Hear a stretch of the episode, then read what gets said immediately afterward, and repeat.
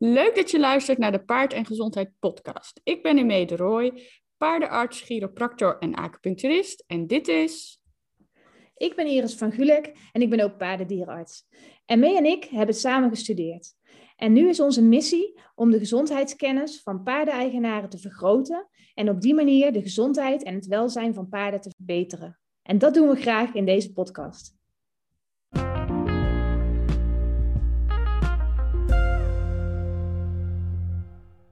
Ja, en dan begin ineens ik de podcast. Want ehm, mijn lieftallige co-host Iris, die uh, ja, liet me dus gewoon in de steek. Die zei, uh, deze aflevering, ah, daar hebben we er maar één van ons voor nodig. Doe jij hem even? Dus uh, nou, ik neem dus nu een aflevering op en dan moet ik hem dus ook starten. En we hebben vandaag, of we, ik heb dus Sanne te gast, Sanne Journet. En zij was eerder te horen in aflevering 29 over gebitsverzorging en 24 over EOTRH. En uh, we gaan het vandaag hebben over iets waar ik heel vaak nog wel eens vragen over krijg en waar ook nog wel eens wat verwarring over staat. Maar ik ga eerst aan Sanne vragen, wil je nog een keertje voorstellen voor de mensen die je misschien niet kennen? Ja, dan zal ik de beperkte versie doen, een grapje. Ik, uh, ik uh, ben een Sanne, Sanne Chenet. Ik zit in Friesland en ik uh, ben ook dierenarts en voedingsconsulent. En ik doe eigenlijk alleen nog mijn paardengebitten zo goed als. en ook door de paardengebitten ben ik die voedingskant opgegaan, omdat dat wel interessant erbij is. En nog een klein takje van sport, had volgens mij bij die andere podcast gezegd, weet ik niet. Is dat ik nog aan het promoveren ben in de Universiteit van Gent. En dat, uh, nou, dat doe ik in mijn vrije tijd. Maar dat is over neurologie, dus het zenuwstelsel bij het paard. Maar dat is allemaal uh, niet deze tak van sport van vandaag. dus uh, ja, dat is een beetje wie ik ben. Maar ik ben eigenlijk de hele dag bezig met gebitten. Dat is wel het voornaamste. Ja. Ja. ja, en vrije tijd heb je heel veel, hè? Want jullie hebben natuurlijk thuis een melkveebedrijf, kinderen. Ja, klopt. Klopt. Vandaag nog een verlossing gedaan, tweeling. Oh, kijk, die doe je ook. Ja, die doe je ook nog even tussendoor. Ja, paarden dus, hebben we ook. Ja. ja, er zijn mensen die gaan dan fulltime een promotieonderzoek doen en fulltime promoveren, maar ja, jij doet dat in je vrije tijd.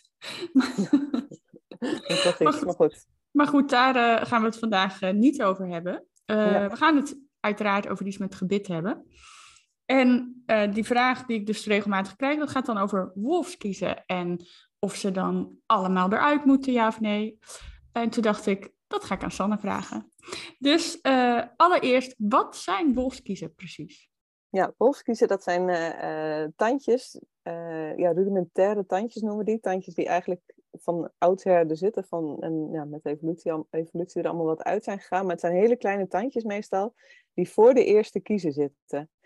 En voor een beetje beeldvorming, daar heb ik helaas geen schedel, had ik kunnen doen voor de kijkers. Ja. Maar um, het paard heeft, als je het paard de mond zou openen, de lippen zou openen, heb je eerst je uh, boven en onder zes tanden. En dan als je naar achter gaat uh, bij de kaak, dan heb je een tandeloos stuk. Dat is ook waar we het bit neerleggen in de mond.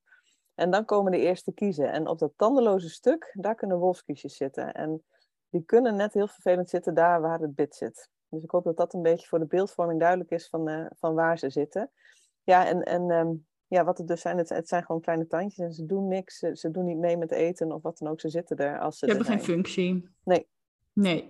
En uh, nu hadden we het voor de uitzending over. Ze worden nog wel eens verward met uh, hengstentanden. Ja. Uh, kun je dat uitleggen voor de luisteraars? Ja, ze hebben natuurlijk geen beeld erbij, maar kun je... Nee, klopt. De wolfskiesjes die zitten dus inderdaad vlakbij die kiezen al, dus meer naar achter in de mond. Maar als je, um, soms zie je ze wel, maar dan moet je eigenlijk al best wel ver de lip omhoog tillen. Dus die, die zitten al wat verder in de mond. En die uh, of ruine tanden, en zelfs een klein deel van de merries kan ze ook hebben, een, rond 20 procent. Uh, die zitten veel meer naar voren en die zie je ook zitten. Dus ik heb wel, dan heb heeft een eigenaar altijd merries gehad en die heeft dan opeens een, een mannelijk dier. En dan zijn ze, wat zit hier? En is dat een, een, wolfskies? Nee, dat is een haaktand. Dus ja, dus haaktand ja. is voor de, alles gelijk, maar dus een, een ruine tand, merrietand. Um, dus ja, die, maar die, daar hoeven we verder niks mee. Maar dat is inderdaad, die worden veel verward. Maar die haaktanden, als er niks meer aan de hand is, ze zijn niet, niet um, uh, uh, gebroken of iets, dat kan gewoon blijven zitten. Dus daar, ja. daar komt geen bit, dus er is niemand tot last. Nee. Nee. Precies. Nee. Uh, we zullen, je hebt een hele mooie YouTube-video hè, waarin je het verschil uh, laat ja. zien tussen een wolfskiesje en een uh, ruinetand of hengstentand, hoe je het ja, ook wil noemen. Noemt, ja. ja. er zijn natuurlijk weinig hengsten, maar goed, ruinetand is ook zo gek, ze worden ook niet als ruin geboren. Nee. Maar um, we zullen even linken naar die video, want dat maakt het meteen wel helder voor de mensen. Maar ik denk dat ze wel begrijpen welke kiesjes en welke tanden we bedoelen. Um, ja. En dan bestaat er ook nog zoiets als blinde wolfskiezen. Wat zijn dat dan? Ja, blinde wolfskiezen die zitten vaak ietsje meer naar voren dan de gewone wolfskiezen. En die blijven onder het slijmvlies zitten. En uh, ja, daarom noemen we ze blind, omdat ze eigenlijk verstopt zijn. Uh, en die zitten vaak wel net op de plek ook echt waar het bit zit of kan zitten. En het, het nare daarvan is, is je, hebt een bit in de mond um, en een stukje uh, slijmvlies en daar onder dat tandje. En dan heb je dus heel gemeen, zou je elke keer dat bit uh, bovenop dat tandje drukken, maar dan tegen het velletje aan. Ja. Dus um, dat is daar nog. En ik, dat had ik eigenlijk even in het begin erbij moeten zetten, zit ik nog te denken. Dat, want um, wolfskiezen die komen door...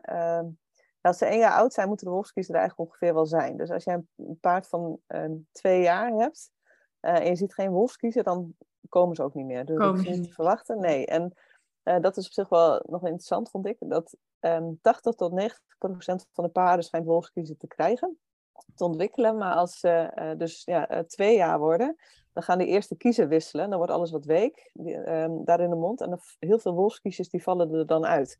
Dus heel veel paarden kijken pas voor het eerst in de mond rond de 2,5 jaar.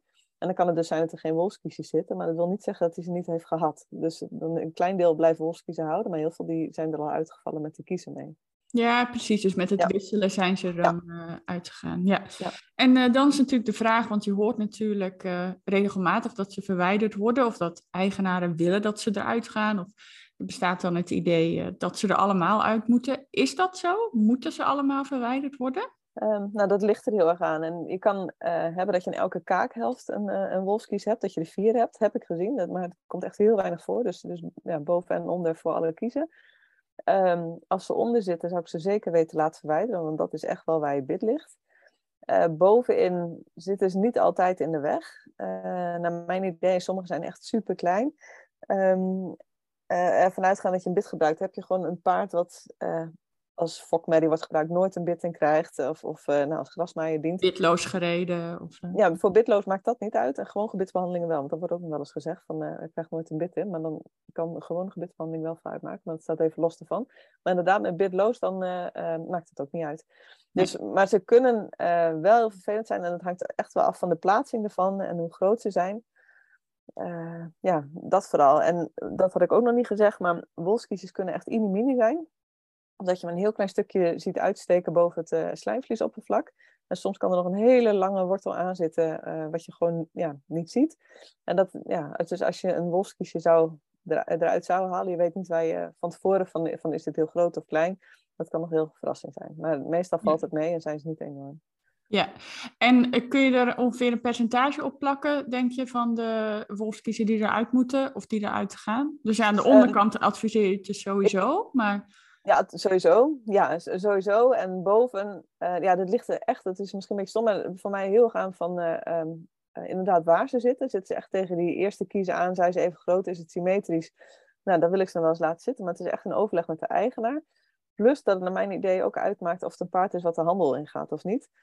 Um, want er zijn mensen die allergisch zijn als ze het woord wolfskies horen en ze zeggen die tand moet eruit.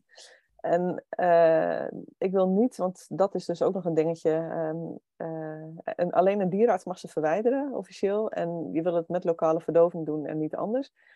Uh, en ik wil niet dat, want dat gebeurt natuurlijk niet altijd, dat zo'n paard in de handel terechtkomt en dat iemand denkt, oh ik handel wel even uit zonder verdoving. Dat vind ik wel sneu.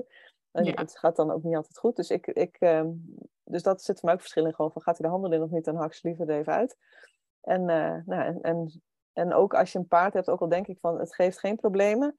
Uh, maar hij heeft wel kla uh, klachten van staken. En verder heb je het gebit al een keer gedaan of is netjes. Dan denk je, dan zou ik ze voor de zekerheid uithalen. Want dan is er iets wat vervelend is. En misschien zijn ze het niet, maar dan kun je ze beter weghalen. Dan weet je zeker dat er geen Ja, dan kan je dat in ieder geval afvinken van je lijstje ja. van mogelijke oorzaken. Ja. ja. En uh, je zegt net heel terecht dat verwijderen, dat mogen dus alleen dierenartsen. Want hoe gaat dat precies in zijn werk? Dat, uh, uh, nou, je doet, we doen lokale verdoving, zodat het, uh, dat ze er niks van voelen. En dan gaan we hem rondom losmaken. Uh, Zo'n blinde moet je echt dus inderdaad de, de, huid opensnijden of het slijmvlies. En dan kun je hem rondom weghalen, loshalen en eruit halen. En ook voor die gewone, ja, en ik doe zelfs vaak om een hamertje tikken, want soms zitten ze best wel diep. En ik wil heel graag dat die eerst helemaal goed los is voordat ik eraan ga trekken. Ja, helder. Ja. En op welke leeftijd kan dat dan het beste gebeuren? Um, ja, eigenlijk liefst voordat ze voor de eerste bitten krijgen. Als je inderdaad ze eruit wil hebben, dan zou ik dat zeker doen. Dus ik, sowieso is mijn advies van um, zeker rond 2,5 jaar voordat ze voor de eerste bitten hebben, wel die uh, wolfskies en uh, uh, ja, nou sowieso het gebit laten nakijken en dan ook de wolfskies eruit als je verwacht dat daar problemen van gaan zijn. Ja, precies. Ja. Nou, dan denk ik dat we de wolfskies behandeld hebben. Of in ieder geval de vragen die ik daarover binnen heb gekregen. Ik weet niet of jij nog iets denkt van, oh, dit moeten de luisteraars nee. weten over Wolfski. Komt altijd, komt altijd na de hand dat ik dat bedenk. maar volgens mij is het aardig uh, alles zo ontvangen, denk ik. Ja. ja. nou, we zullen in ieder geval linken naar jouw uh, YouTube-video's, zodat ze in ieder geval zeker weten dat ze niet de verschillende tanden omwisselen. Ja. En dan weten mensen ook beter waar ze zelf op kunnen letten. Of ze ja, ja nee. zeker. Nou, dankjewel Sanne dat je Graag weer gedaan. Uh, Jammer dat Iris er niet was, maar met jou is het ook altijd erg gezellig, dus prima. Ja, ja. ja. ja dan moet je het maar met mij doen. Ja. En uh, wat ik eh, stiekem zag in onze cursus Check Je Paard, is dat er ook een bonus masterclass van jou uh, in zit verwerkt. Dus uh, ja, dus voor de mensen die willen, je kan je, nou ja, ik weet niet precies wanneer deze aflevering online komt hoogstwaarschijnlijk is de cursus dan al te koop. Dus uh, er zit ook uh, nog een uh, presentatie van Sanne bij over het gebit. Ook super interessant. Dus, en mocht hij nog niet te koop zijn, dan kun je in ieder geval inschrijven op de wachtlijst. Maar ik verwacht eigenlijk dat de cursus dan zeker te koop gaat zijn tegen de tijd dat deze online komt. Dus wil je nog meer van Sanne weten, check dan ook de cursus. Dus nou, dankjewel Sanne. En dan, Graag gedaan spreken we elkaar weer. Yes. Doei doei.